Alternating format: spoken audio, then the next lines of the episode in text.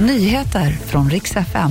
Riksrevisionen vill sänka rotavdraget och tv-profilen Malin Gramer behövde ha livvakter vid tv-inspelning.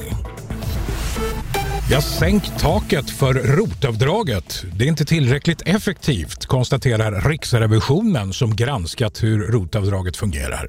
Riksrevisionen rekommenderar regeringen att minska rotavdraget till exempel genom en sänkning av det maximala rotavdraget per person och år.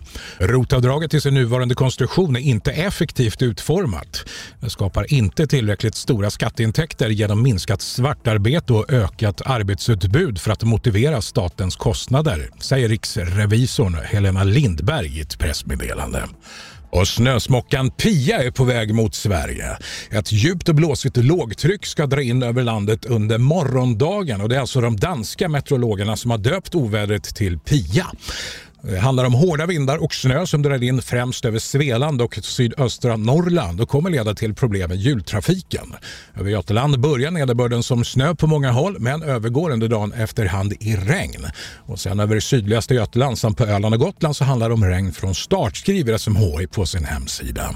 Och till sist om de stökiga tv-inspelningarna kring Paradise Hotel.